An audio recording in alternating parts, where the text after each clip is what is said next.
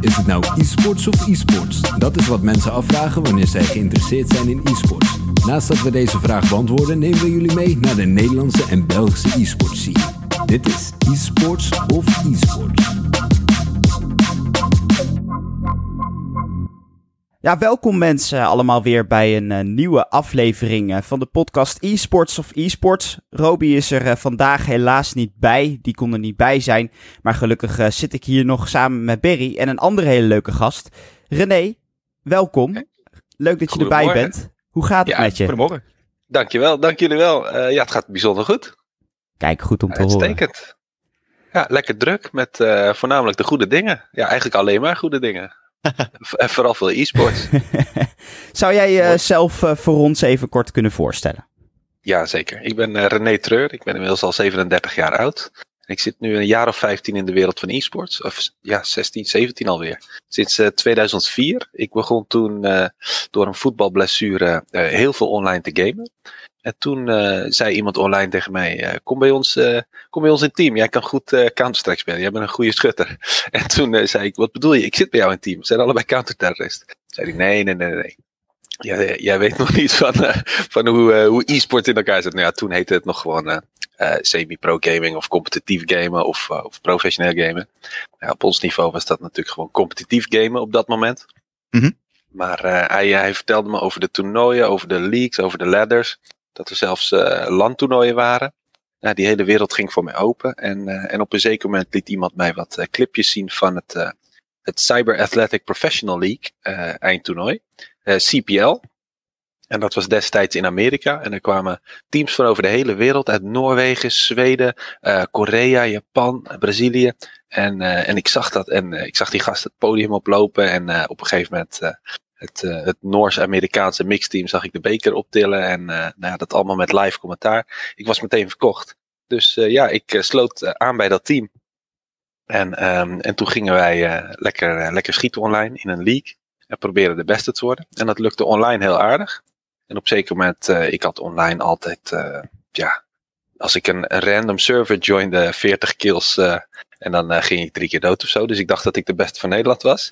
En toen gingen wij naar, uh, naar ons eerste landtoernooi in Bad Hoeverdorp. Ik weet nog heel goed, met van die mega grote dikke monitoren die je mee moest slepen. En dat was dus in 2004. En ja, toen, toen kwam ik even terug op aarde met beide voetjes. Want toen kwamen we niet door de groepsfase heen. Toen dacht ik, wat gebeurt hier? Iedereen schoot non-stop headshots en iedereen schoot door muren. ja, dat deed ik ook. Maar zij deden het net nog wat beter. En uh, ja, wij, uh, wij verloren uh, de meeste potten. Wij, we wisten één potje te winnen. En de andere drie in de groepsfase verloren wij. Ik dacht, wat Oeh. gebeurt hier? Ik ben toch niet de beste speler van Nederland. Ja, en dan, dan ga je eens rondvragen. En dan kom je erachter dat er besloten servers zijn waar de topspelers tegen elkaar spelen. Zodat ze ja, constant goede oefeningen hebben. Want daar leer je veel meer van dan in random servers tegen ja, noobs, om het even ja. disgraceful te zeggen. En uh, ja, dan, dan ga je trainen en dan op een zeker moment dan, dan begin je een beetje op dat niveau te raken. Ik heb dan vier jaar Counter-Strike gespeeld. Ik heb daar ja, drie keer het podium behaald en één keer een toernooi gewonnen. Ja, totaal vier keer op een podium gestaan. Mhm. Mm -hmm. En um, ja, dat was een bijzonder leuke tijd. Maar tegelijkertijd waren toen de tijd de prijzen niet zo waanzinnig. Je hebt het dan over een, een een toernooi winnen waar, uh, waar eigenlijk bijna alle Nederlandse topteams zijn, dan uh, kreeg je 300 euro met z'n vijven, met een team van vijf. Dus eigenlijk, en daar zit je dan het hele weekend voor natuurlijk. Vrijdagavond er naartoe. Ja. Uh, slapen op locatie en dan zaterdagmiddag een keertje klaar met spelen.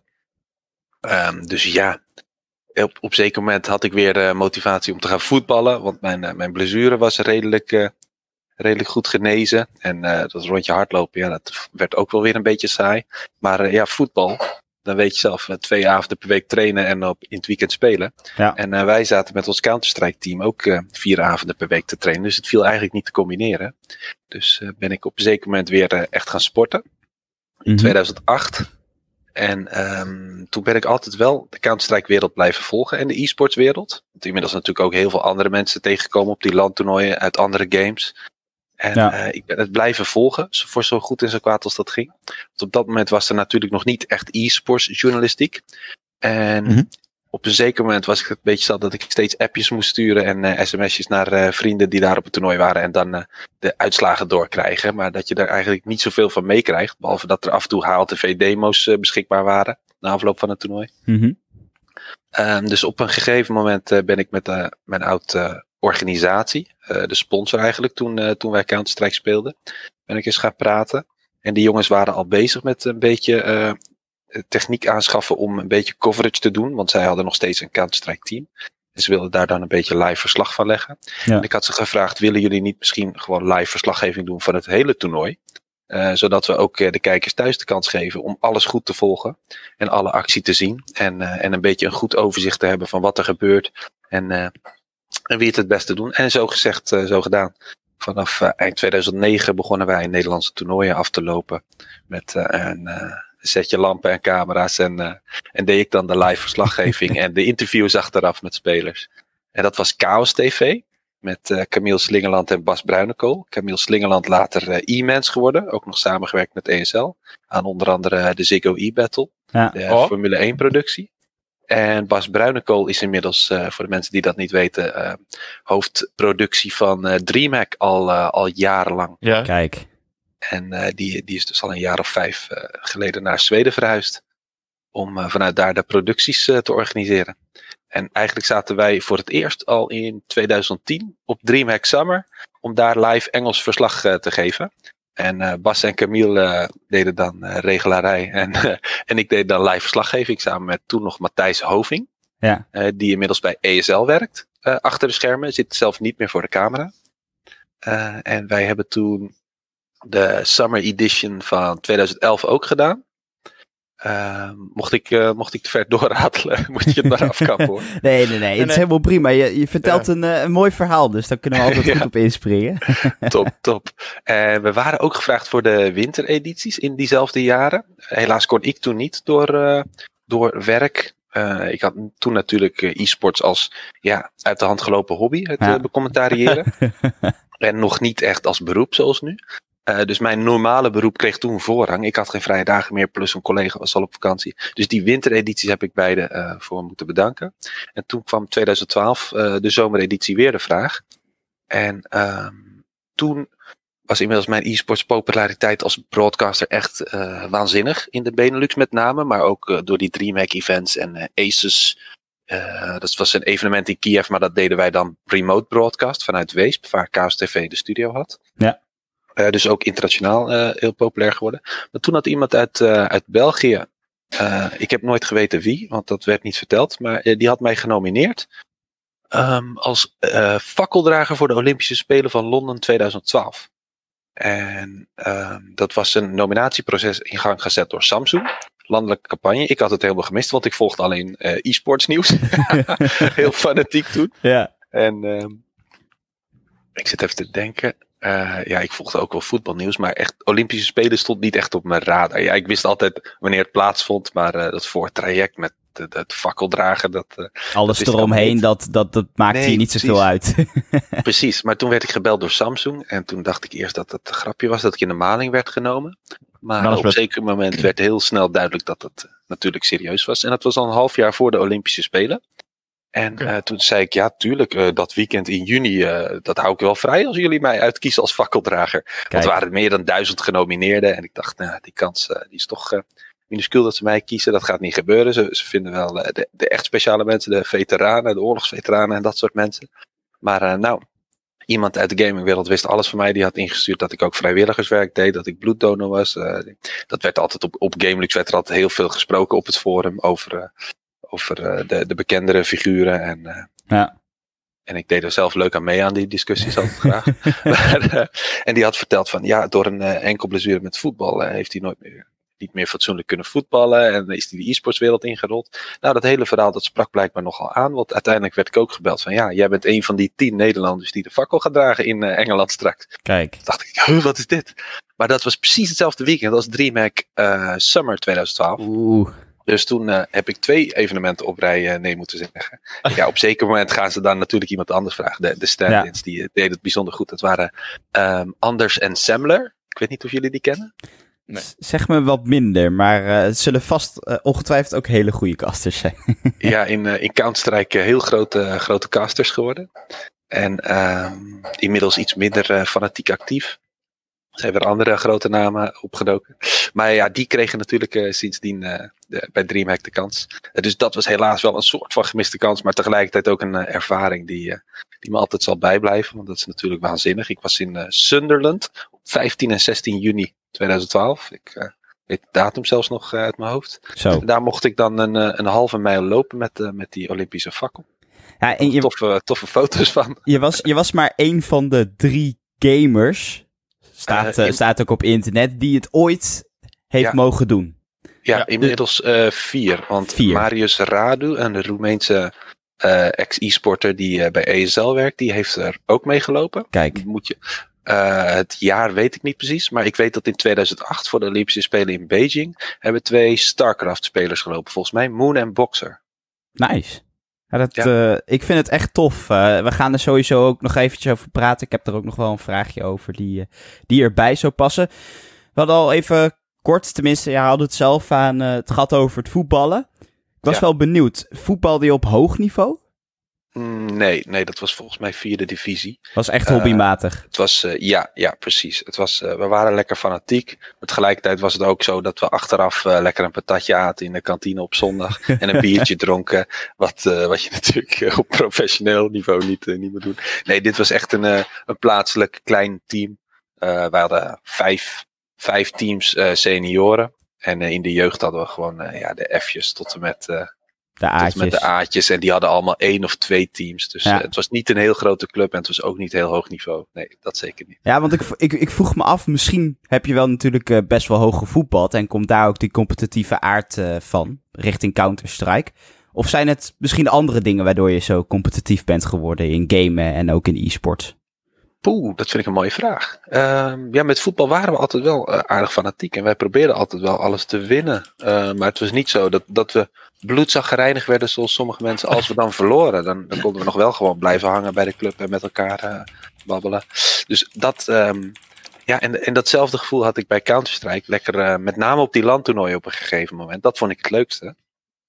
daar lekker fanatiek zijn en, en schreeuwen bij elke kill en de atmosfeer proeven. En uh, ja, die, die hype van, uh, van de mensen om je heen, daar, daar ga je heel gemakkelijk in mee. En, uh, en met name als er live publiek is. En dat, dat vond ik het leukste. En, uh, en dan kwam ook het beste in mij naar boven. En later werd het ook steeds moeilijker om mij te motiveren. Om na zo'n landtoernooi dan uh, op maandagavond of dinsdagavond terug thuis weer eenzaam in mijn kamertje weer uh, op te starten om een, een strat te gaan draairunnen op zo'n op zo'n lege map met mijn ploeggenoten. Want dus dat is ook een van de redenen dat ik na drie à vier jaar Counter-Strike gestopt ben en, en weer ben gefocust op sporten en dergelijke. Oké. Okay. Kun je een beetje uitleggen hoe zo'n op zo'n landparty is dan? Voor de mensen die misschien nog niet naar landparty toegegaan? Ja, voor de mensen die, eh, die net uh, anderhalf ja. jaar bekend zijn met e-sports, die zijn ja. nooit op een landparty geweest nee, dankzij de COVID. um, ja, dat is um, iedereen uh, vro vroeger. toen ik toen nog mocht. daar rondliep. Toen, toen nam je altijd zelf je computer mee. Later mm -hmm. werd het steeds professioneler, dus dan waren er organisaties die computers beschikbaar stelden. dat er een voortraject was met kwalificaties online. En dat er dan de top, nou laten we zeggen, top 8 uh, teams van vijf, uh, die kwamen dan op locatie. En dan waren er uh, gewoon computers van de organisatie. En dan speelde je daar, daarop. Maar um, ja, je was daar natuurlijk met al die spelers. En op het moment dat je niet het spelen bent, dan ga je bij de andere teams kijken. Dus uh, dat, dat geeft sowieso al wat extra uh, druk en, en hype en sfeer. Uh, op het moment dat je aan het spelen bent, dat andere teams achter jou staan. En, hm. uh, en hoe, uh, hoe beter je wordt, hoe meer mensen er komen kijken bij je. A, om te verifiëren dat je niet aan het cheaten bent. En B, om, om te kijken van hoe zitten hun tactiek in elkaar. Kunnen we daar iets nuttigs uithalen? Of als we straks tegen ze moeten spelen in de kwartfinale, hoe kunnen we dat counteren? En hm. ja, dat, dat geeft, geeft op een gegeven moment, dan zit je in zo'n grote zaal natuurlijk met, met duizend mensen die voor verschillende games komen. Want het was nooit puur Counter-Strike, het was altijd een landtoernooi met heel veel verschillende game competities. En uh, later ook nog allerlei andere leuke dingen, zoals een retrohoek met uh, Nintendo 8-bit uh, en arcadekasten en dergelijke. Maar um, om niet ver uit te wijden. Maar het werd steeds leuker omdat er steeds meer mensen achter je kwamen staan. En dan, dan had je echt zo'n gevoel van ja, er zit, zit een live publiek achter me. Ja. En op zeker moment speel je ook op een niveau dat je op een gegeven moment finales gaat spelen. En dat er ja, iedereen die is uitgeschakeld, die blijft meestal hangen om nog in ieder geval die finale te bekijken. Dus dan heb je een live publiek van mm -hmm. ja, soms wel honderd mensen. En dat vond ik toen heel erg veel, toen ik als speler uh, bezig was. Later als commentator natuurlijk voor duizenden mensen uh, live gestaan. Uh, wat nog veel toffer is. Ja. Of ja, op zijn minst net zo tof. ja. Maar ja, de, de mooiste momenten op zo'n land waren als je dan een, een clutch-situatie uitspeelde. Een 1 tegen 4 situatie. En, en dat en dan die honderd mensen uit een dak gingen opspringen, juichen, gebalde vuisten. En je ploeggenoten naast je die op je schouder slaan. Ja, dat soort momenten, dat is waanzinnig. Dat is behoorlijk waanzinnig. Daarop, daarop volgend, uh, is er iets wat in de jaren veranderd? Want je gaat nu al 15 jaar mee, zeg je. Zie Ja. je verandering? Of Zeker, ja. Ja, het, be- het begon, eh, want ik heb natuurlijk, eh, ik ben in 2004 begonnen met fanatiek te spelen. Maar ik heb toen ook eh, teruggekeken naar toernooien uit de, de jaren daarvoor. En, eh, en geluisterd naar de verhalen van, eh, van de gasten die al veel langer in de scene zaten. En ja, het begon echt heel erg underground. En, eh, en je werd met de nek aangekeken, want gamers waren dikke gasten met puisten en brillen. En, en, Zolderkamertje. So, sociaal vaardig, ja precies, op het zolderkamertje liggen ze de hele dag op een bed met broodkruimels op hun buik. je kent het wel. Ja. Ehm, computer spelen? magnetronmaaltijden, Call of Duty, Ja. ja, precies. Uh, maar nee, ja, um, langzamerhand kwam het steeds meer in de, in de spotlights. Uh, er kwamen op een zeker met cameraploegen van uh, MTV of TMF langs ook op toernooien. En natuurlijk later Game Kings van Power Limited, een Ja, aftakking die Ja. steeds meer digitaal coverage ging doen. Dus een aantal keer ben ik ook geïnterviewd door dat soort partijen. En, um, en de venues werden ook steeds toffer. Want je begon natuurlijk. Um, uh, dat toernooi in Bad Hoeverdorp was in een schoolgebouw in de zomervakantie uh, in 2004.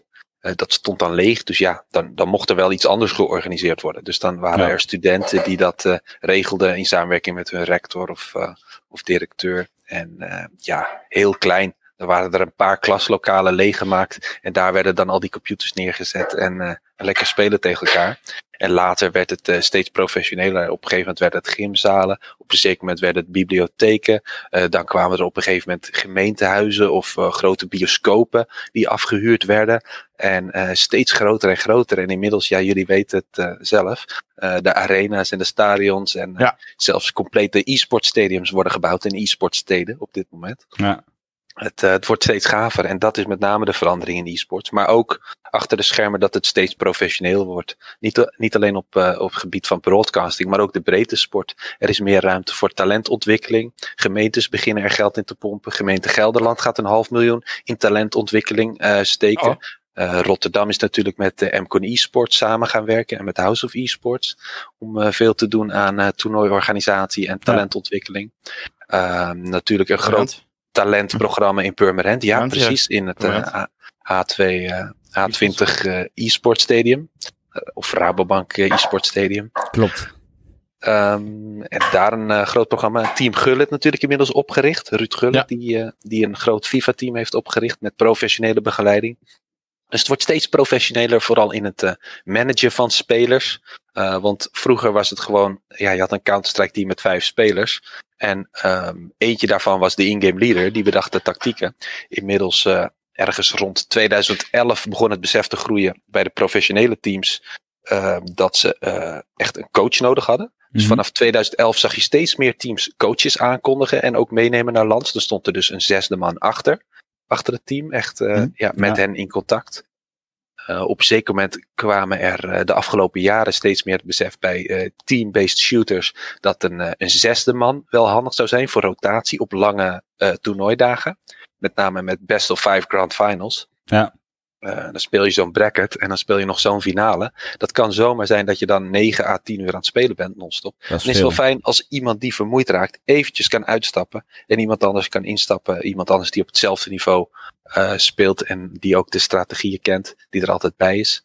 Uh, dus teams met een groot budget internationaal, die, die voegen ook steeds vaker een zesde man toe in een vijfmans e-sport. Um, ja, dat soort dingen, dat verandert steeds meer. Dat wordt allemaal steeds professioneler.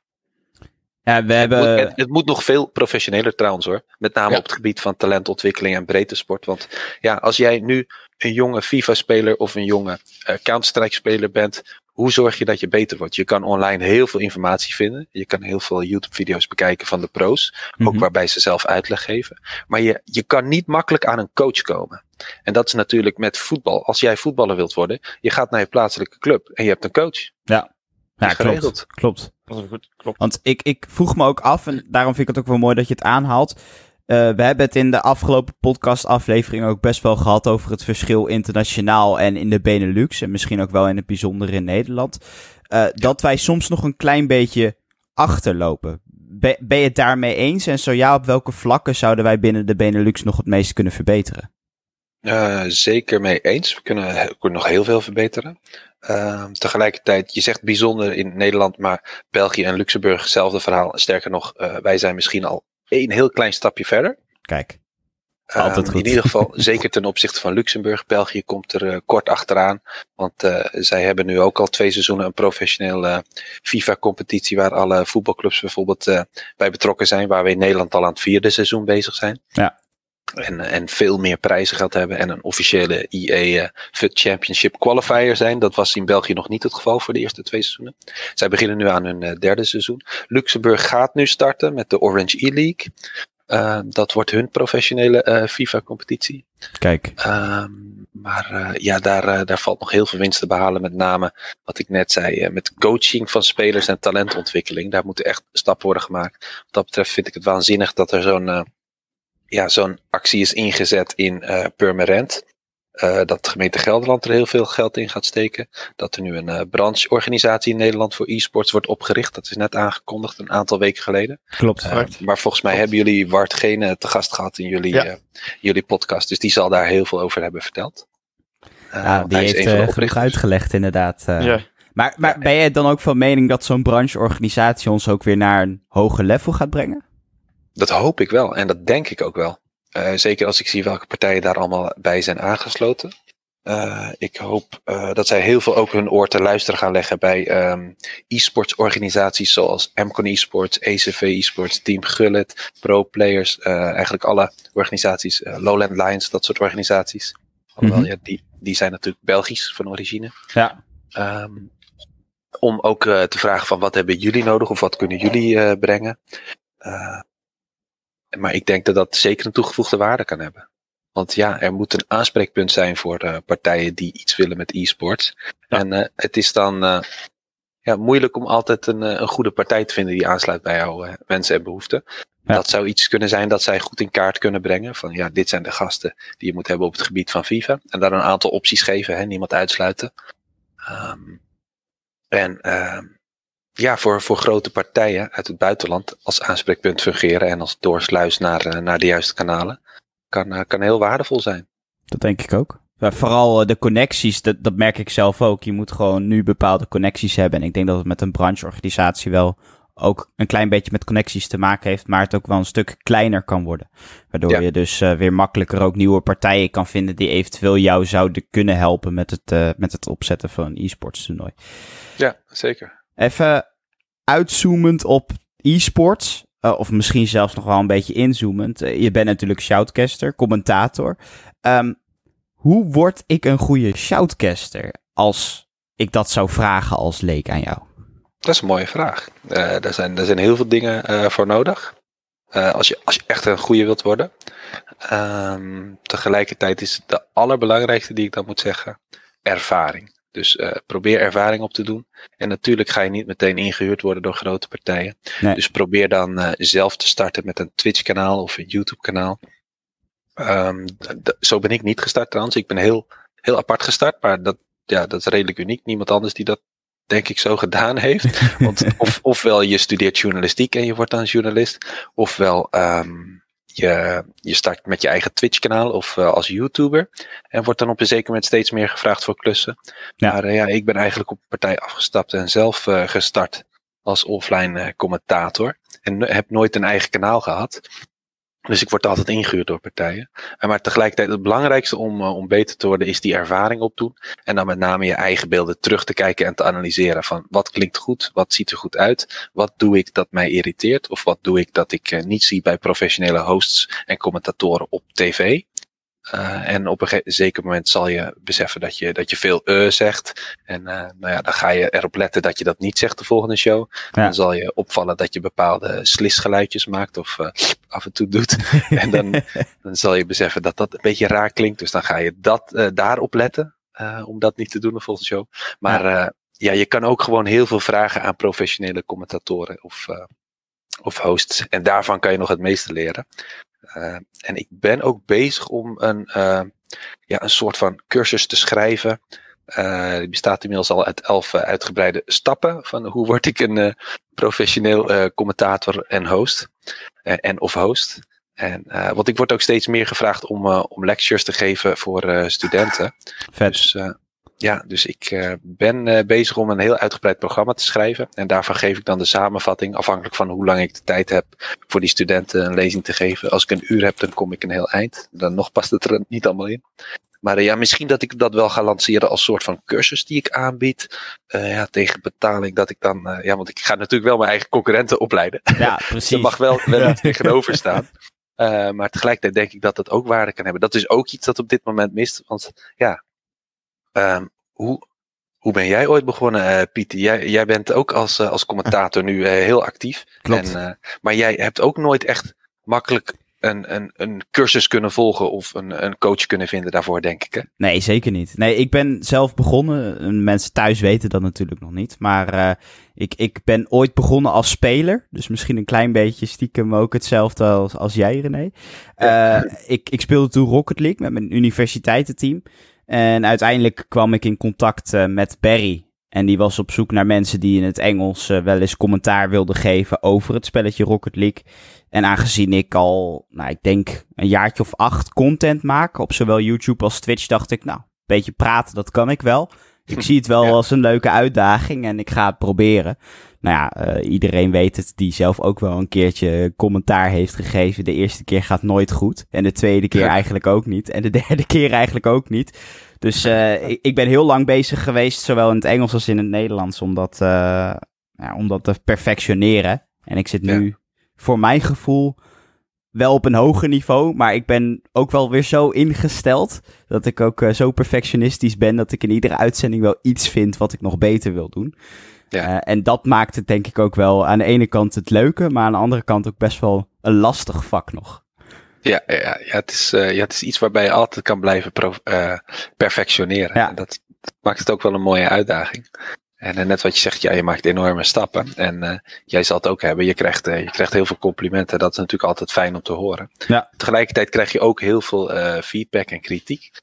Maar ook dat is heel erg fijn om te horen, want daar leer je van, daar word je beter van. En dat heb je nodig om, om de top te halen. Dus wat dat betreft vind ik het ook fijn dat er een ontwikkeling is waarbij ja, er een chatfunctie is op veel kanalen, zoals bij Twitch en YouTube. Zodat je, ja, daaruit kan je heel veel bagger halen, waar je niks mee kan. maar je kan er ook hier en daar tips uithalen en, en dingen die mensen irriteren, waarvan je denkt van ja, eigenlijk irriteert dat mij ook wel. Daar, daar moet ik iets mee. Ja. Ja, ik vind de interactie dus... soms ook wel lekker hoor, met de, met de ja. kijkers. Ja, ja zeker. Ja, het geeft je ook energie en, uh, en een goede vibes. Want uh, heel veel mensen zijn toch positief, vaak. Uh, in ieder geval bij mij, maar ik zie ook, ook bij anderen. Ook bij jullie, bij de Rocket League casts. Want dat, dat is ook een prachtige productie die jullie neerzetten. Kijk, dus, dankjewel. Um, ja, ja, credits for credits are due, hè? ik, ik, ik hoor heel erg van jullie beiden zeggen dat er een kans nodig is. Dus bij een partij die moet je een kans geven. Um, jij zei in het begin dat je gewoon een bedrijf gemaild had, zou je, of, of bericht had. Zou je. Me daar iets meer over willen vertellen? Is het gewoon beter om misschien inderdaad brutaal naar een partij zoals mij toe te stappen en zeggen: Goh, ik wil leren kasten? Want daar sta ik juist heel erg voor open. Ik denk dat dat ook meer uh, ja, moet, zeg maar, de Benelux. Wij weten niet hoeveel mensen, wij weten niet wat mensen willen, of hoeveel mensen nee, die kans willen nemen. Dus ik zou precies. gewoon ja, aanraden om te doen, zeg maar. Ja, absoluut. Ja, proactiviteit, dat, uh, dat wordt juist. vaak beloond. En uh, als, je, als je ergens op hoopt, en uh, thuis op de bank zit en, en hoopt dat iets gebeurt, dan gebeurt het niet. Dus uh, ja, ga erop uit en zet jezelf in een spotlight. vertel het universum wat je wilt. Kondig het aan, desnoods op al je social media van hey, dit lijkt me tof, dit wil ik gaan doen. waar begin ik? Stel gewoon die vraag, waar begin ik? En dan komen er vanzelf suggesties en dan komt er misschien wel iemand van, ja, ik zoek wel iemand. En uh, dan krijg je misschien ergens de kans. Uh, dus ja, uh, ga erop uit, wees proactief. kijk wanneer er toernooien in jouw games worden aangekondigd. En als je zelf niet, niet als speler gaat, dan zou je kunnen vragen van, hey jongens, willen jullie iets aan live broadcasting doen? Want ik ja. zou wel graag eens proberen om als commentator op te treden. En ik heb daar niet veel ervaring mee. Uh, maar dat maakt het voor jullie misschien interessant dat ik daardoor goedkoop ben. Ja. Dan doe je, tegen, doe je het een keertje tegen onkosten. Of, en dan kijken hoe het gaat. Het zal net wat, wat Piet zegt, niet de eerste keer perfect gaan.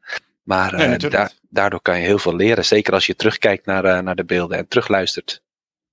Ik, we hadden vorige, week, vorige keer hadden we dan Wart. En uh, Wart zei precies hetzelfde van, ga, gewoon, ga gewoon wat doen. Doe, doe gewoon wat. Zorg dat ja. je, je jezelf bekend maakt in deze scene. Dat is de manier hoe je hier terechtkomt. Precies, precies dat. En dat is ook de enige manier waarop je in het oog gaat springen en uh, een netwerk gaat bouwen. Ja, met, uh, met stel, potentiële klanten. Dat, dat, denk ik ook, ja. Maar stel inderdaad, je gaat die opleiding aanbieden, want dat lijkt me een heel goed idee. Uh, ik, een vraag, ik had een vraag bedacht van, goh, hoe zou je het vinden als er opleiding voor zijn? Maar die heb je eigenlijk al beantwoord. Met, ja. dat je het zelf zou willen doen. Maar hoe zou het zijn als we de mogelijkheid bieden tot, tot het stukje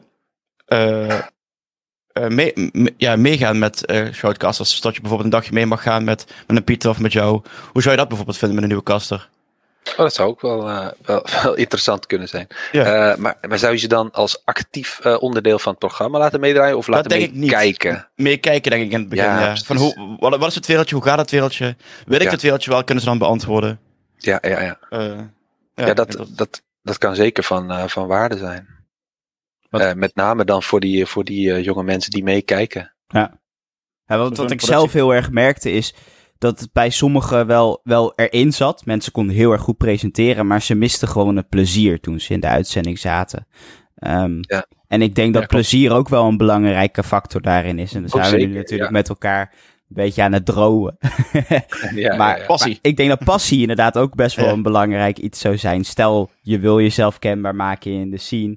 Uh, dan moet je er ook wel een bepaalde passie voor hebben, in mijn ogen. Ja, een bepaalde passie, een bepaalde drive inderdaad. En dat kan ook groeien, hè? want het kan best zijn dat je de eerste shows die je doet heel veel zenuwen hebt. En dat je daardoor ja. niet direct het plezier voelt dat, uh, dat ja. wij uh, voelen voor onze shows.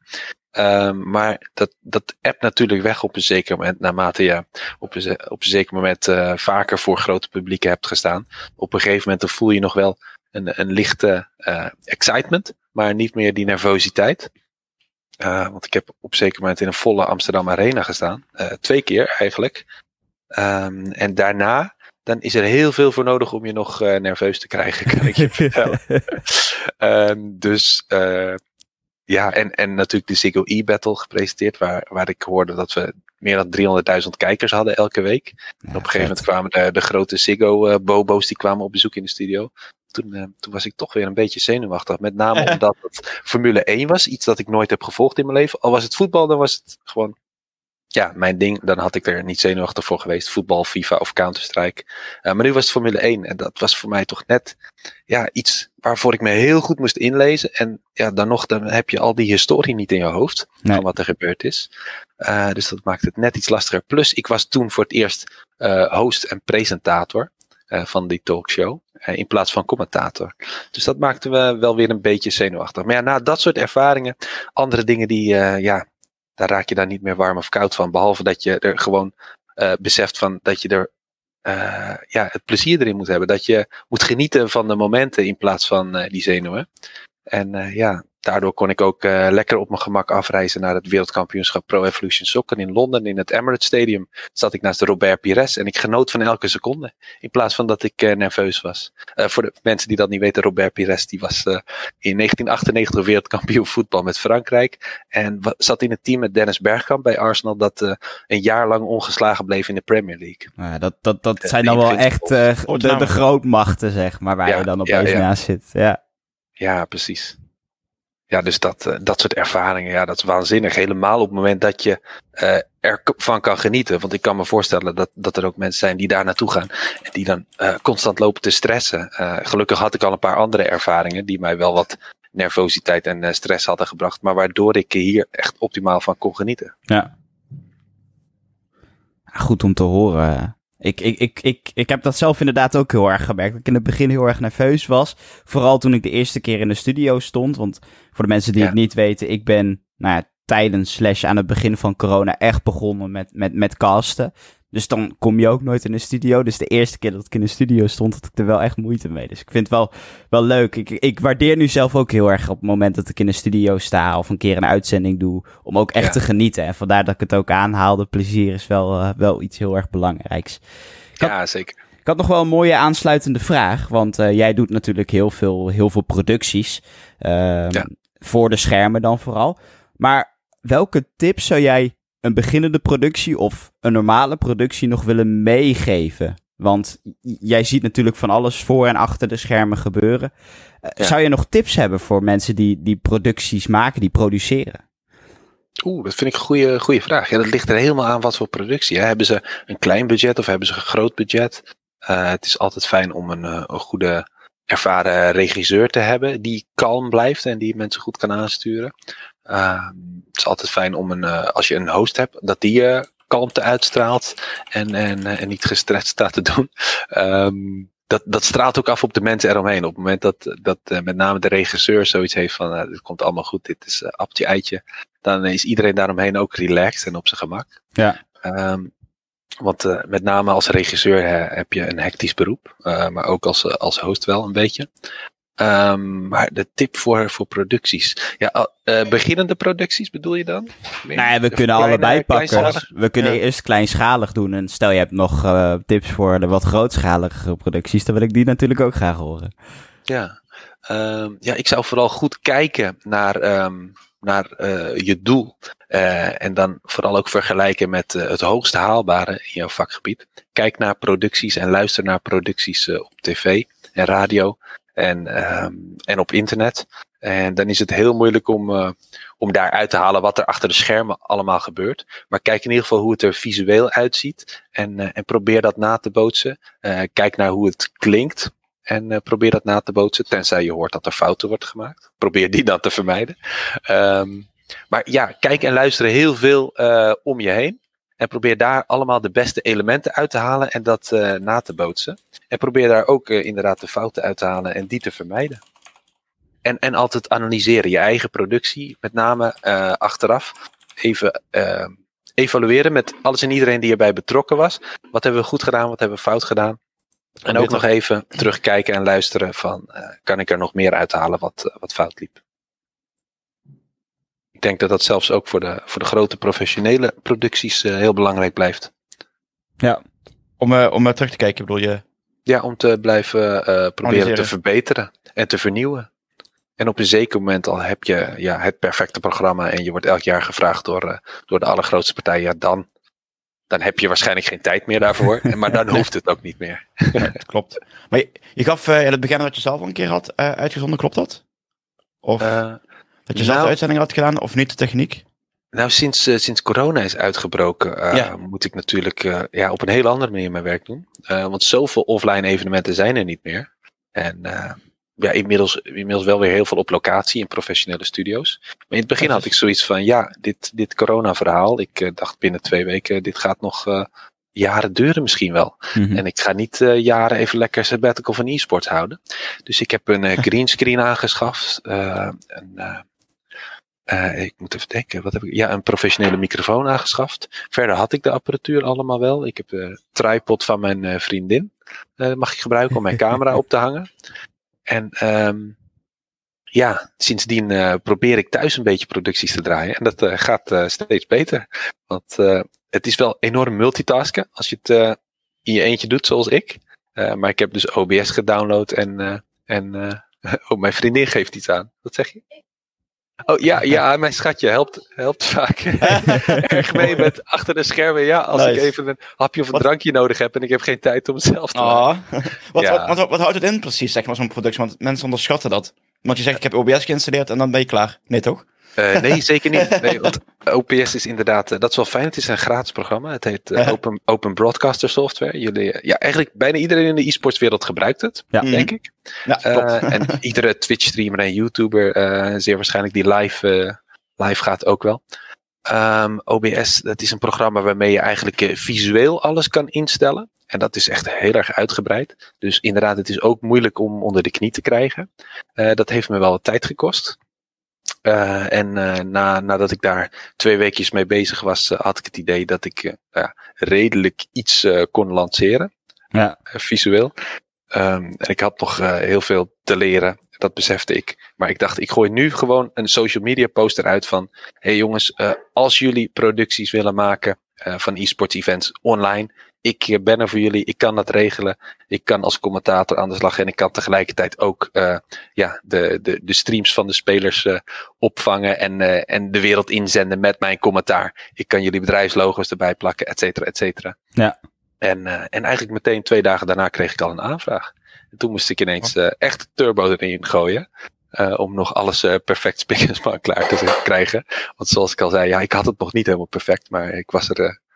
Ja, ik, ik, ik had het draaiend, zeg maar. En ik kon, ik kon beelden en geluid produceren. En ik dacht, ja, um, dit kan nog even duren voordat ik de eerste aanvraag krijg. Maar nee, al heel snel. En, en ook partijen waarmee ik nog niet gewerkt had, die ineens zeiden van, hé hey, René, kan jij voor ons een wekelijks programma gaan doen met FIFA 21, met onze toernooien. Dat was Pro Players. Die hadden altijd al die toernooien georganiseerd. En ik was daar al één keer geweest als, als commentator offline. Op Dutch Comic Con was dat. En daar hadden zij een FIFA toernooi in de jaarbezallen Utrecht. Daar had ik ja. een toernooitje gedaan. En toen eigenlijk al, al twee jaar eigenlijk niet meer met ze samengewerkt. Maar wel vaak hem sprekend bij E-Divisie. Ja. Waar ik dan als commentator was en hij als spelersbegeleider. En hij had ondertussen elke week zijn toernooitjes. En op een zeker moment had hij zoiets van: ja, ik wil eigenlijk gewoon een tof productie zetten. Zoals E-Divisie met jou en met Chris Wobbe. En uh, dat jullie dan met z'n tweeën het commentaar doen. En, en elke vrijdagavond de grote finales. En, en op een zeker moment ja, zijn we dat gaan doen. Poeh, in de zomer vorig jaar. Tot het eind van het FIFA-seizoen. Okay. En, en nu doen we een soort van maandelijkse finale. En daar gaat Piet mee becommentariëren. Aangezien we daar ook Rocket League doen. Kijk. Een mooi, mooi plugje. Ja, mooi plugje. ja, ik, ik ben wel bang dat, dat de podcast iets te laat komt. Maar ja, het, het is maandelijks. Het is de eerste zaterdag van de maand, toch? Klopt dat? Ja, ja meestal. Eén um, keer gaat dat verschoven worden. Of deze keer ging het verschoven ja. worden naar de tweede zaterdag omdat de organisatie zelf dat prettiger vond. En één keer op mijn verzoek, omdat ik 5 en 6 juni al een, uh, een Luxemburg, ja, het, het Post eSports Masters presenteer als host. Vet. dus dan ben ik drie dagjes in Luxemburg. En dat zou natuurlijk de eerste zaterdag van de maand, die valt daar binnen. Dus had ik gevraagd van, hey, kan het dan ook de tweede zaterdag van de maand zijn? En zo flexibel zijn ze, dus dat is wel lekker. Dus welke games doen jullie dan op die zaterdag? Voor, de, Fortnite. voor de mensen die benieuwd zijn en het graag willen zien? Ja, dat zijn uh, mm -hmm. competitie en een FUT competitie. Dus eentje met het FUT team, eentje met landen of clubteams. Ja. Call of Duty, Fortnite en Rocket League. Echt bomvol met e-sport. Dat, ja, dat is wel lekker. Ja. Goed. En elke maand een, een prijzenpot van 5000 euro. Ja, met de qualifiers erbij gerekend. Kijk eens aan. Ja, zeker. Ik, ik had nog wel een vraag, want ik, ik proefde dat een klein beetje uit je woorden. Je zei toen corona begon, heb ik mijn eigen productie neergezet. Was jij stiekem bang dat er uh, tijdens corona ook echt geen werk meer in de e-sport zou zijn? Omdat het natuurlijk best nog wel offline gebaseerd was uh, voor corona. Ja, nou ik was wel bang dat ik geen offline evenementen meer zou hebben. Mm -hmm. uh, dat is gelukkig meegevallen, want ik heb nog veel studioklussen. En dan af en toe ook op locatie waar de spelers echt op geruime afstand van elkaar worden neergezet op een podium. En waar dan veel minder publiek is of geen publiek. Ja. Maar nog wel best veel, veel klussen op locatie gehad. Super tof. Um, ik was eigenlijk bang dat het allemaal online zou worden. veel is dat wel. Mhm. Mm -hmm. en, maar eigenlijk ja, vind ik dat ook wel leuk, de online producties die ik draai. En ja, want daar leer je heel veel van ook weer. Dus dat, dat is ook weer iets dat je beter maakt als, en, en dat je ook weer meer waardeert die cameramensen en die regisseurs en die mensen achter de schermen die de belichting doen en de audio. Ja. Wat ze allemaal voor je doen. Ja. Extra. Dat, dat waardeer ik nu extra, want ik weet hoe, hoe moeilijk dat is als je dat zelf allemaal moet regelen. Ja, wat, ik, wat ik zelf vooral ook merk, want ik zit natuurlijk iedere week aan tafel uh, bij de KKD. Daar heb je veel meer Ja. non-verbale communicatie. En als je online met een ander zit, dan moet je het alleen maar doen uit de woorden van een ander. In plaats van dat je ook de ander kan aankijken en kan vragen Mhm. om een beurt, bij wijze van spreken. Dus Ja, precies. ik, de- Ja. ik denk dat je misschien daar ook wel een klein beetje op doelt als je zegt, daar heb ik ook veel van geleerd. Eh, ja, zeker. zeker. Ja, het, is, ehm, het is belangrijk om goed chemistry op te bouwen met, eh, met co-casters. Eh, op het moment dat je inderdaad alleen maar online met ze bezig bent. Dus Ja. dat je, je ze niet naast je hebt. Ehm want normaaliter kom je iemand al even tegen voordat de show begint. Dan praat je wat met elkaar en dan ga je aan tafel zitten of achter de microfoon zitten.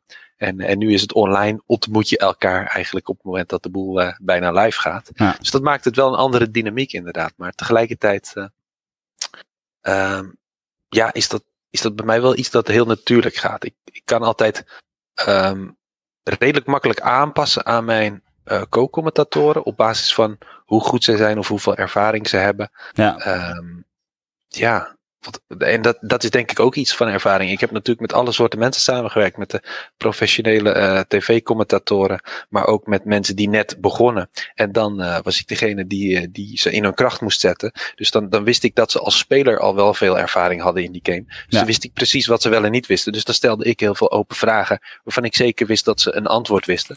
En dan, dan komt er ook gewoon een goed gesprek op gang. Mhm. Is er nog een evenement dat je heel graag zou willen casten? En sorry, is er nog? Sorry, sorry, is er een evenement wat je nog heel graag zou willen casten? Eh, Waar je denkt van, nou, dat, dat staat echt hoog op mijn to-do-list, zeg maar. Ja, ja ehm, de, de FIFA e-World Cup zou ik wel heel graag, eh, graag doen. Als, ehm, dat moet ik even toelichten, dat doe ik wel voor eh, Proximus. eh, dat Uh-huh. soort evenementen. En de e-Champions League en de, de e-Nations League. Ehm, dat, dat doe ik dan wel de Nederlandse verslaggeving voor Belgische tv, Mhm. heel vaak. Maar daar zou ik graag van de, van de Engels sprekende eh, productie eh, onderdeel uitmaken. Dus de officiële eh, ploeg die het voor Electronic Arts uitvoert op locatie. Want ik Mhm. ben inmiddels op zo'n op een aantal Europese toernooien van Pro Evolution Soccer geweest en op een aantal wereldkampioenschappen in Porto, Liverpool, Kiev en Londen en Parijs. Ehm, en ik ben voor NBA 2K nu betrokken bij de officiële eh, broadcast eh, in het Engels ehm, voor de FIBA E-Nations, of eh, sorry, voor de FIBA eSports Open heet dat officieel. Mhm. Dit is al de derde editie die nu gaande is. En dat zou me tof lijken om het ook voor FIFA echt bij de, bij de professionele Engelse productie aan te sluiten. Maar dat is heel moeilijk. Ik, ik heb al heel veel mensen gesproken. Maar zij hebben natuurlijk eh, eigenlijk bijna alleen maar eh, native English speakers. En af en toe, als er eens een keer iemand uit een ander land eh, wordt, bij betrokken wordt, dan is het zo'n oud sportlegende, een eh, Clarence Seedorf-achtig figuur. Dus Jammer dat is, is, dat dan, hè? ja, ja, ja, maar wie weet, zeg nooit nooit. Ik Nee, heb al gesproken met een aantal van de, de mensen die daar verantwoordelijk voor zijn. En, ja, ze, vonden, ze vonden het leuk om me te ontmoeten. Ik heb al een digitale Zoom-call gehad met drie van de mensen van het productiehuis. En eh, ze zeiden, ja, we, we, we schrijven je op en we houden je in het achterhoofd. En eh, wie weet. Maar, eh, daarna heb ik een tijdje niets meer gehoord. Maar toch, toch geeft dat mij een, een klein beetje hoop. je weet het nooit. Precies. En, en net wat je zegt, ja, blijven proberen. Dus af en toe eens een balletje opgooien en wat interesse tonen in wat ze doen. Want ja, je, je moet niet denken dat ze, dat ze naar jou toe komen, dat ze op jou zitten te wachten. op het moment dat je je niet laat zien. Nee, precies. Eh, ik zit even te denken, ja, dat was wel het mooie. Ik had, was mooie? Ooit, ik, had, ik had ooit al een bericht naar, eh, naar een van die eh, mannen gestuurd van dat productiebedrijf. Volgens mij heet het de eSport Company. En dat, toen had ik geen reactie gekregen, dat was via LinkedIn. En toen een jaar later, toen stuurde ik hem nog eens een berichtje. En toen zei hij, blijkbaar had hij dat eerste bericht van mij wel gezien. En had hij sindsdien mijn eh, LinkedIn profiel lopen volgen. Toen zei hij, nou, eh, we zijn toevallig bezig met een eh, evenement dan en dan. En eh, we waren al aan het bespreken of we jou daarbij konden betrekken of niet. dus dat, dat soort dingen is wel leuk om te horen. Dus op het moment dat je je lijntjes uitgooit online en je krijgt geen reactie op, dat betekent niet dat er niets mee gebeurt. Nee, precies. Want je, je zegt nu ook iets wel iets interessants. Je zegt dat je ook op LinkedIn actief zoekt naar mensen. Eh, of ja, sorry, niet naar mensen, maar naar eh, bedrijven die eh, ja, die dit doen. op dit moment niet meer zo, zo fanatiek actief. Omdat ik heel veel mensen heb die naar mij toe komen met aanvragen. Dus ik heb het nu zo druk dat ik eigenlijk niet echt veel proactief aan het zoeken ben. Maar Mhm. ehm, ja, ik, ik kijk altijd wel naar toernooiaankondigingen. En, en ik kijk altijd of ik daaruit kan halen eh, wie het productiebedrijf is of de productiecrew die het gaat doen. En dan stuur ik een berichtje naar de toernooiorganisator. Van hé hey jongens, eh gaan jullie eh, broadcasting doen en wie gaat dat regelen? En zoeken jullie nog commentatoren? Ik heb nooit eigenlijk nagedacht over het LinkedIn-platform. Daarom vind ik het best wel interessant. Ja. ik heb altijd, we gebruiken altijd Twitter of Facebook en dat soort dingen, maar nooit LinkedIn echt. Ja, nou ja, uit allemaal haal ik klussen hoor. Want ik krijg soms aanvragen via Facebook, soms via. Instagram en eh, Twitter natuurlijk ook. Dus eh, ja, dat, eh, Dus Ja, social, media is, dus social media is belangrijk voor een caster. Of voor een Eh, shoutcaster. ja, zeker. Ja. Het, ik, ik begon ooit zonder. Ehm, maar ik merk dat sinds ik social media wel gebruik. En ik zag het in het begin als noodzakelijk kwaad. Want ik dacht, ja, daar gaat veel tijd in zitten. Veel gedoe. Mhm. En ik moet filmpjes maken. En ik moet foto's maken. Maar inmiddels gaat het automatisch. En vind ik het hartstikke leuk. Want ik, ik merk ook dat daardoor je, je netwerk groot, eh, groeit. En dat, Ja. eh, dat je steeds meer aanvragen krijgt inderdaad. Dus het is een, een, een prachtig hulpmiddel eigenlijk. Inmiddels zie ik het als een, eh, als- als een hele mooie plus. Klinkt goed. Ja, dat klinkt ook belangrijk, zo'n social media platform. Ja, hoe zou je, wat zou je voor advies geven om dat op te bouwen voor een, voor een nieuwe caster? Iemand die is nieuw in de castingwereld en hij zegt, oké, ik begin met mijn social media op te bouwen. Hoe zet je dat op, zeg maar? Wat- Moet je dan bedrijven gaan volgen? Of ga je gelijk berichten met bedrijven? Of zeg je nee, begin gewoon eens inderdaad met, met zelf uit te zenden. En daarvan kleine shots te maken en die uit te zenden. Wat is daar het advies in van jou? Ja, ik denk dat het laatste wel het belangrijkste is. Op het moment dat jij iemand eh, contacteert vanaf een account waar geen eh, content op staat en geen foto's op staan, dan, eh, Mhm. dan, dan verliezen ze snel hun interesse. Op het moment dat jij een tijdlijn vol hebt staan met toffe, toffe shots van wat je hebt gedaan, zelfs al zijn het maar de producties vanuit je huis via je Twitch kanaal, maakt niet uit. Ja. Je, hebt, je hebt een paar toffe foto's en een paar verhaaltjes van wat je hebt gedaan en dit en dat waren de winnaars. Dan zien ze al die, die passie waar we het eerder al over hadden. Hè? Dan zien ze al jouw drive en jouw, eh, jouw energie en, en jouw motivatie. Ja. En dan zien ze ook dat je, dat je echt fanatiek bezig bent in, in zo'n community om je naam op te bouwen. Dan denken ze, ja, dat is misschien wel iemand eh, waarmee we willen werken. Dus inderdaad, zorg voor, voor wat content. Eh, ik, zou, ik zou het ook een klein beetje af proberen te stemmen op het kanaal individueel. Dat is iets dat ik eigenlijk heel eerlijk niet doe. Ik maak één bericht, dat gooi ik op allemaal. Maar eigenlijk op LinkedIn gebruik ik toch een iets andere toon dan op Instagram, vaak. Ja. Ehm, Dat klopt. en, Zakelijker. eh, ja, precies, precies. Op, Instagram, hè? Heel zakelijk. En op LinkedIn. Ja. ik ja, ja, dat ik, ja, ja, dat, ik, dat ik naakt op tafel dans. Ja, ja, ja. Zo werkt dat toch? ja, precies. Nou ja, op Eh, LinkedIn eh, begint het ook steeds meer op Instagram te lijken, maar dat is weer Ja, een heel ander verhaal. Dat is waar. Ja, de, ja, er is een beetje een shift gaande inderdaad. Er zijn ook heel veel mensen op die dat inderdaad eh, alle Instagram gebruiken. Maar tegelijkertijd zie je dan ook vaak op, op LinkedIn, wat je niet op Instagram ziet, dat er heel veel mensen zijn, de, de traditionele LinkedIn gebruikers, die dan zeggen van ja, dit is niet professioneel. En die, die ze ook echt eh, erop aanspreken in Ja. het openbaar. Is Ook echt meteen leuk. erop inhakken. ik, eh, ik las dat je ook eh, ambassadeur bent geworden voor verantwoord gamen. yes. Wat, wat zijn daarin jouw taken? Wat doe je daar? Ehm, ik, ik ben een aantal keer geweest eh, bij lectures van Sydney en Jim Lehman, eh, de, de oprichters daarvan. En eh, dat doen zij dan voor, voor ouders en voor kinderen. En op een zeker moment mocht ik ook eh, zo'n lezing geven. En het is de bedoeling dat dat eh, vaker gaat gebeuren, want ze kunnen niet alle aanvragen altijd aan. Mhm. Dus op het moment dat ze weer een hele drukke periode hebben, dan gaan ze mij ook weer inzetten. En wij spreken veel met elkaar, af en toe een Zoom call. En hopelijk binnenkort weer, weer echt op locatie. Ehm, want wij spreken veel over ja, wat, wat speelt er voor hun, voor de stichting Verantwoord Gamen. eh, en voor hun eh ESV e-sports. En wat speelt er voor mij als commentator. We kijken waar we elkaar kunnen versterken. Eh, we kijken wat we voor elkaar kunnen betekenen.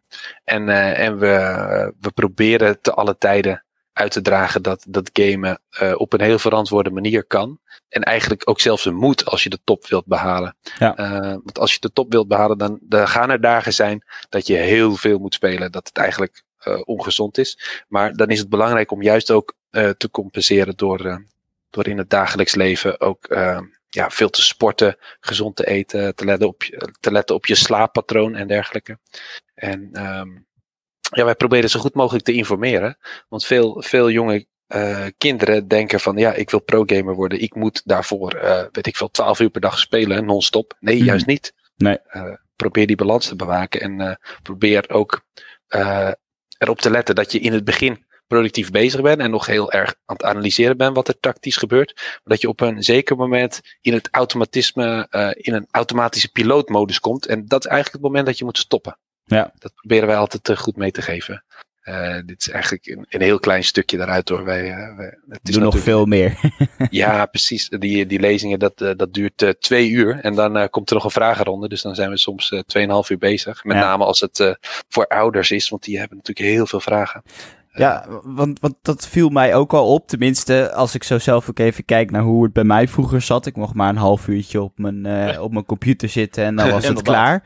Ja. Merk jij ook een shift? Want tenminste, dat merk ik zelf wel. Als ik bijvoorbeeld bij jongere neefjes uh, op de vloer kom. Die mogen nu veel langer. Die kunnen nu veel Ja. meer. Merk je dat de ontwetendheid vroeger bij ouders groter was en nu kleiner is geworden. En dat, dat gamen ook niet meer ja, zo'n sociaal stigma heeft zoals het vroeger had? Ja, zeker. Zeker. Want vroeger was het, eh, was het natuurlijk ook eh, gewelddadige films en gewelddadige games. En dat, eh, oeh, verschrikkelijk. Ja. En, eh, en inmiddels, ja, iedereen is opgegroeid ook met, met films kijken. En we beseffen allemaal dat op het moment dat wij een gewelddadige actiefilm kijken. met explosies en, en, en kogels. dat dat niet iets is dat wij graag in het echt gaan nadoen. Maar dat het gewoon vermaak is en, en spanning. En, en dat het in games ook zo werkt. En eh, ja, op een zeker moment groeit er een eh, generatie op. eh, die, waarvan hun opa's en oma's die zijn opgegroeid met, met gamen en e-sports. Dus dat weten we allemaal niet meer beter. Ja. Maar inderdaad, daar is een, een verschuiving in gaande, heel erg. Zeker. Ik zelf vind dat dat wel mooi, want ik, ik, ik bouw er nog steeds van dat ik vroeger maar een half uurtje heb kunnen spelen. Want ik ben ervan overtuigd dat ik dan ook een iets betere speler had kunnen worden met sommige bepaalde games. Ja, maar ja. dat, dat is ook gewoon iets wat erbij hoort. Er zijn, nou ja, mijn, mijn, mijn vader die heeft een Commodore 64 gehad of zo. En, Ja, eh, en die heeft daarop eh, op eh, de eerste games gespeeld. Maar ja, mijn opa die kent dat inderdaad helemaal niet. En we gaan dus wel naar generaties toe waarin, eh, nou ja, de opa's Opa- en opa oma's lekker ook hebben gegamed. Ja, of Ja, zelfs precies. lekker meespeelt. Ja, ja, ja. Ja, ja, ja, heel leuk. Ja, ik ben opgegroeid met de Master System. Dat was dan een 8-bit van eh eh, machine van Sega. Als je nu de beelden terugziet, dan denk je van hoe kon ik dat vroeger leuk, leuk vinden. Maar, eh, eh, maar dat was wel leuk. Wij, wij, wij hadden ook beperkte tijd inderdaad. Eh, en ik had dan eh, een oudere broer en later ook nog twee jongere broertjes. En op een zeker moment eh, moesten wij met z'n vieren delen, de computer. En ja, dan was het gewoon, ja, jij gaat een, eh, een uurtje. En dan, eh, dan jij een uurtje, dan jij een uurtje, dan jij een uurtje. En dan houdt het weer op. Ja. Precies wat je zegt. Even, even helemaal terugkomend op, op je carrière. Wat is eigenlijk het mooiste moment wat je bijgebleven is? Oeh, ehm, nou, ik heb het natuurlijk al over die Olympische Spelen gehad. Dat was wel heel mooi, maar dat is niet zozeer e-sports carrière. Nee, Eh, e-sports het, is, het, is wel, het is wel een gevolg daarvan, maar Mhm. eh, qua e-sports evenementen, dan moet ik even denken. Eh, als speler viel het allemaal wel mee. Wat ik zeg, één keer een Nederlands toernooi gewonnen. En ook wel één keertje gespeeld tegen, tegen internationale teams. Eh, Mhm. Onder andere de Zweedse kampioen, waar ik dan eh, een enorm goede score haalde. Terwijl de rest van mijn team eh, compleet door het ijs zakte. Dus dat werd ook nog breed uitgemeten op GameLux. En de, de Haal TV-video werd nog eh, veel bekeken. Maar goed, die- ik zou hem niet eens meer kunnen terugvinden, denk ik, als ik nu ga zoeken. Eh, maar toch, mijn mooiste momenten zijn als commentator geweest. En dan denk ik. eh, ja, ik denk een van die Pro Evolution Soccer evenementen. En dan, dan twijfel ik een beetje. eh, dat evenement in Kiev, dat was. ehm, moet ik even denken hoe het toernooi ook alweer heet. De, de WESG, de World Esports Games. En zij noemen dat zelf de Olympische Spelen van het gamen. Dat Mhm. wordt eh, jaarlijks in Azië gehouden. En dat was toen in Chongqing. Eh, maar ik was in Kiev om de remote broadcast te doen, de, de Engelse coverage. Eh, want, want daar op locatie hadden zij dan de Aziatische commentatoren zitten. En wij deden vanuit Kiev de remote coverage. En dat was een toernooi. En dat werd uitgesmeerd over zeven of acht dagen. Want er waren ook zes of zeven verschillende games. En eh, de groepsfase begon volgens mij op maandag en dinsdag. Ja.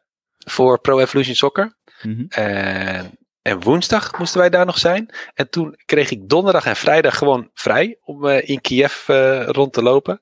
Mooi. Uh, want uh, in het weekend waren pas weer de Pro Evolution Soccer finales. Daartussendoor waren andere games, de groepsfases. Mm -hmm. Dus we hadden gewoon twee, uh, twee betaalde gratis dagen ertussen. Oh, lekker. En, um, en ik was toen midden in de voorbereiding voor de marathon. Die ik samen met mijn vriendin heb gelopen in Parijs.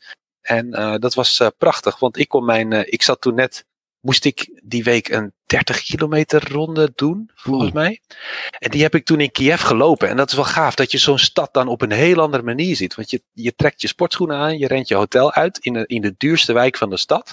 Maar naarmate je uh, verder wegkomt uit het centrum, zie je steeds meer uh, de, de, armoede toenemen en de, de huizen kleiner worden en, en, en, en ouder en verpauperder. En dan zie je echt dat dat een stad is in, in wederopbouw nog. Want daar is natuurlijk ooit... Um, uh, wat zeg je? Ja, nee, schatje zegt Sovjet, maar uh, daar was ooit uh, in de buurt ook die nu nucleaire ramp, geloof ik. Ja, klopt, ja Kivjet, uh, in de buurt, ja. Je wilt Chernobyl. Chernobyl, ja, precies. Ja, ik kon ja, even niet op, op de naam. Um, maar ja, je ziet echt dat die stad daar nog, nog steeds de, de gevolgen van bij zich draagt. En, en, en dat zie je dan echt als je, als je door die straten loopt van van het uh, centrum, van, uh, van die peperdure vijfsterrenhotels uh, richting de armoedige wijken. dat is wel een, een, waanzinnige ervaring. En op een zeker moment kwam ik ook ergens aan um, bij een cybercafé, heette het. en um, ik dacht, hé, hey, dat is grappig, even kijken. Dus ik liep, naar, ik liep achterom, naar de ingang was er achterom, stond op een bordje. Ik liep achterom. En uh, helaas, het was gesloten. Ah, dus ik, uh, ik, ik, keek even door het raampje naar binnen. Ik dacht even kijken hoe dat eruit ziet. En ik wilde weer weglopen. En toen kwam er net iemand aanlopen richting de deur. En uh, nou ja, die raakten we in gesprek. Dat was de eigenaar, die wilde net de boel opengooien. Of in ieder geval gaan opstarten. En hij zegt, ja, normaal ga ik over een uur pas open. Maar hij, hij hoorde waarvoor ik in de stad was. Dus toen zei hij, oh, jij moet zeker even komen gamen. Hier, ga zitten en drankje van het huis. En nice. vertel me meer over dat toernooi waarvoor je hier bent. Ja, prachtig. En, Want, uh, wat, mensen, wat, wat, veel mensen niet weten is dat in Oekraïne best wel wat internetcafés zijn. Maar dat zijn niet zomaar internetcafés, dat zijn echt e-sportcafés. Ja, ja, ja. Dat, sinds recent zag ik dat ook zo, ja. Ja, de, hele mooie was, gebieden. Deze was wat meer casual. Dit was echt okay. voor casual gamers die ook uh, hielden van een lekker drankje erbij. De konden ook eten yeah. krijgen op locatie. En uh, zelfs een shisha bar. hij had het heel mooi ingelicht. Allemaal neonlichtjes. Maar het was niet echt fanatiek e-sports. Misschien inmiddels. Misschien dat hij door mijn verhalen geïnspireerd is geraakt. en dat er nu een, een hal bij is gebouwd. ja, precies. Moet je eigenlijk een keertje teruggaan. Ja, inderdaad. Ja, dat, ja.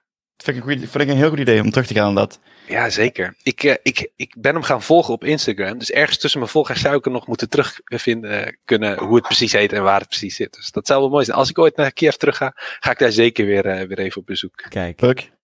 Ja.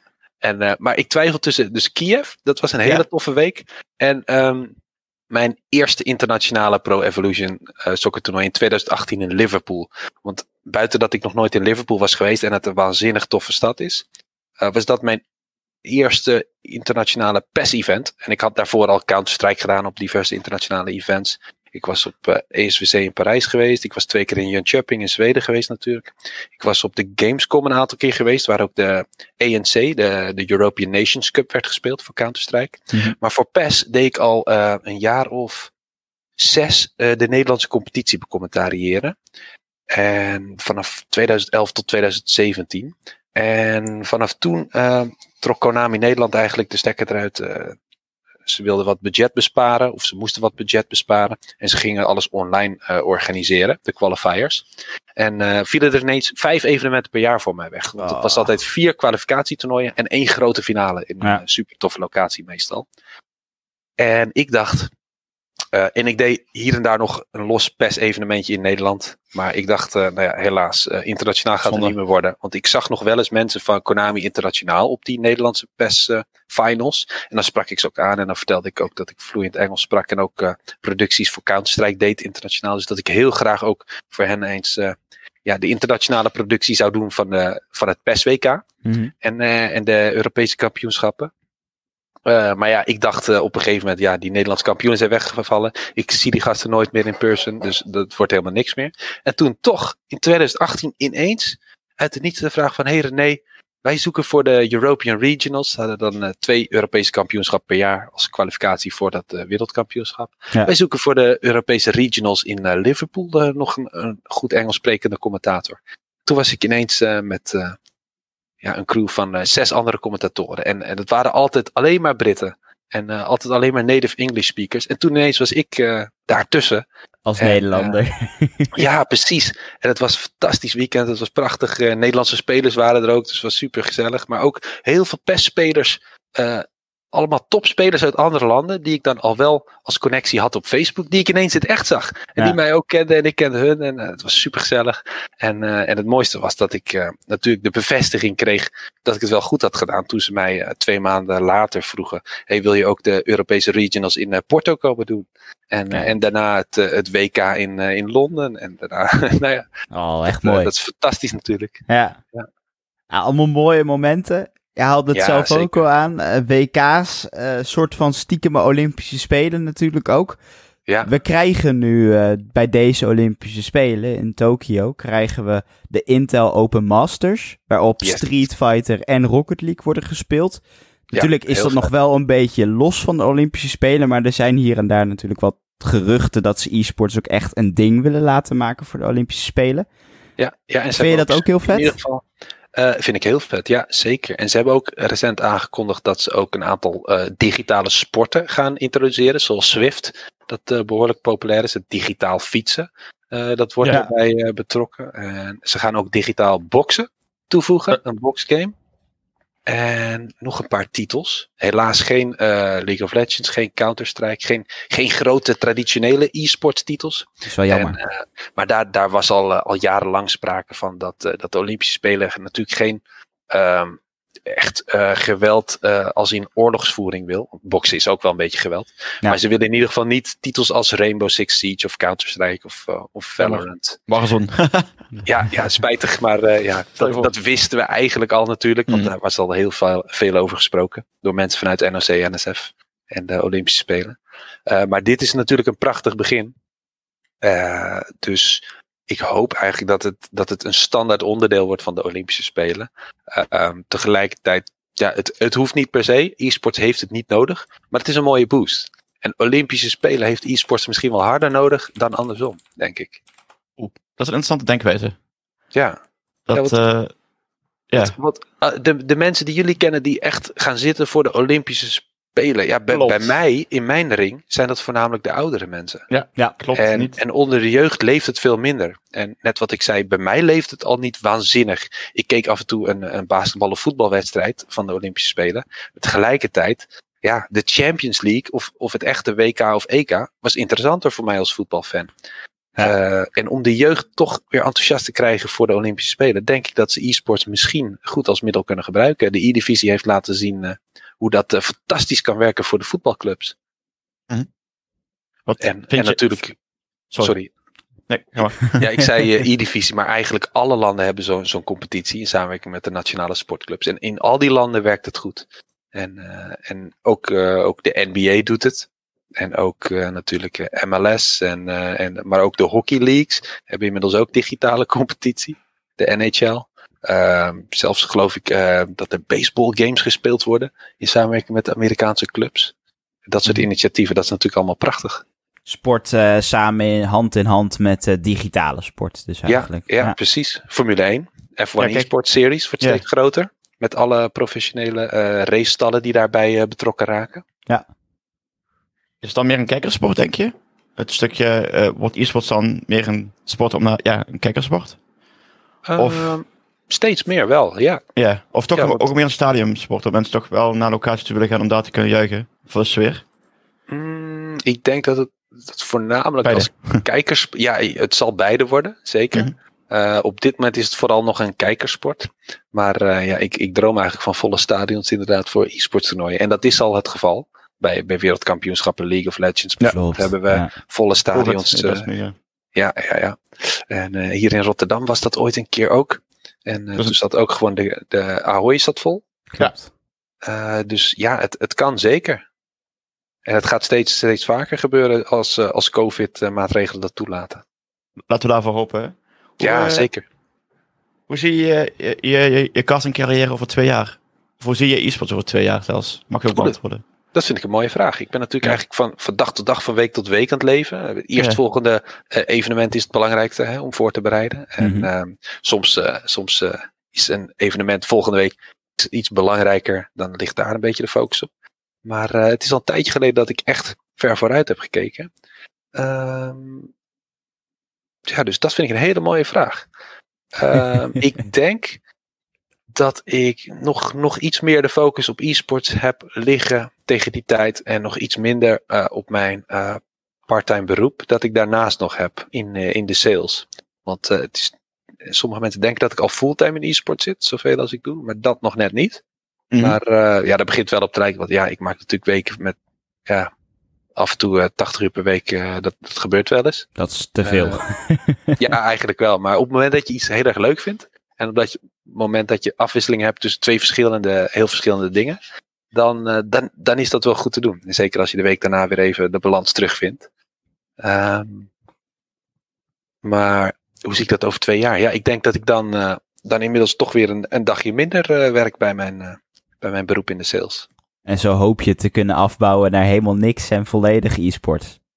Uh, nou, ik zou het of... wel leuk vinden om daar één of twee dagen per week altijd wel een beetje te blijven werken. Of op oproepbasis. Want het is een gezellig bedrijf en uh, ik zit er al tien jaar. Dus uh, dat, dat, is natuurlijk ook niet voor niets. Mm -hmm. en dan hou je ook de afwisseling en dan blijft het ook een beetje speciaal. Hè? Op het moment dat je zo'n wereldkampioenschap e-sports binnenhaalt. Ja. Dan blijf je dat gevoel houden van yeah.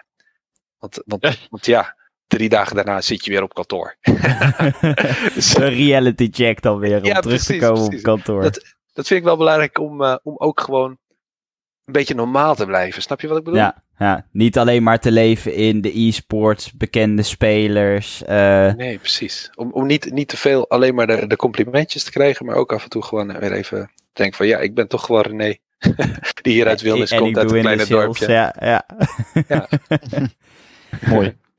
René, mag ik eindigen met uh, in ieder geval uh, jou uh, allereerst te bedanken? Zeker. Ik, ik vond het Graag een heel gedaan. tof gesprek en ik, ik heb sowieso altijd nog veel meer stof waarover we kunnen praten. Maar ja, we zijn al, al tien minuutjes over tijd, dus dat is mooi. Oh. ja.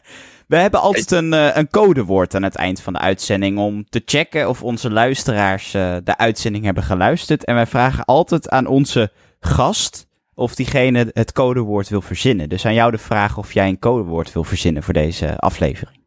Oeh, dat is mooi.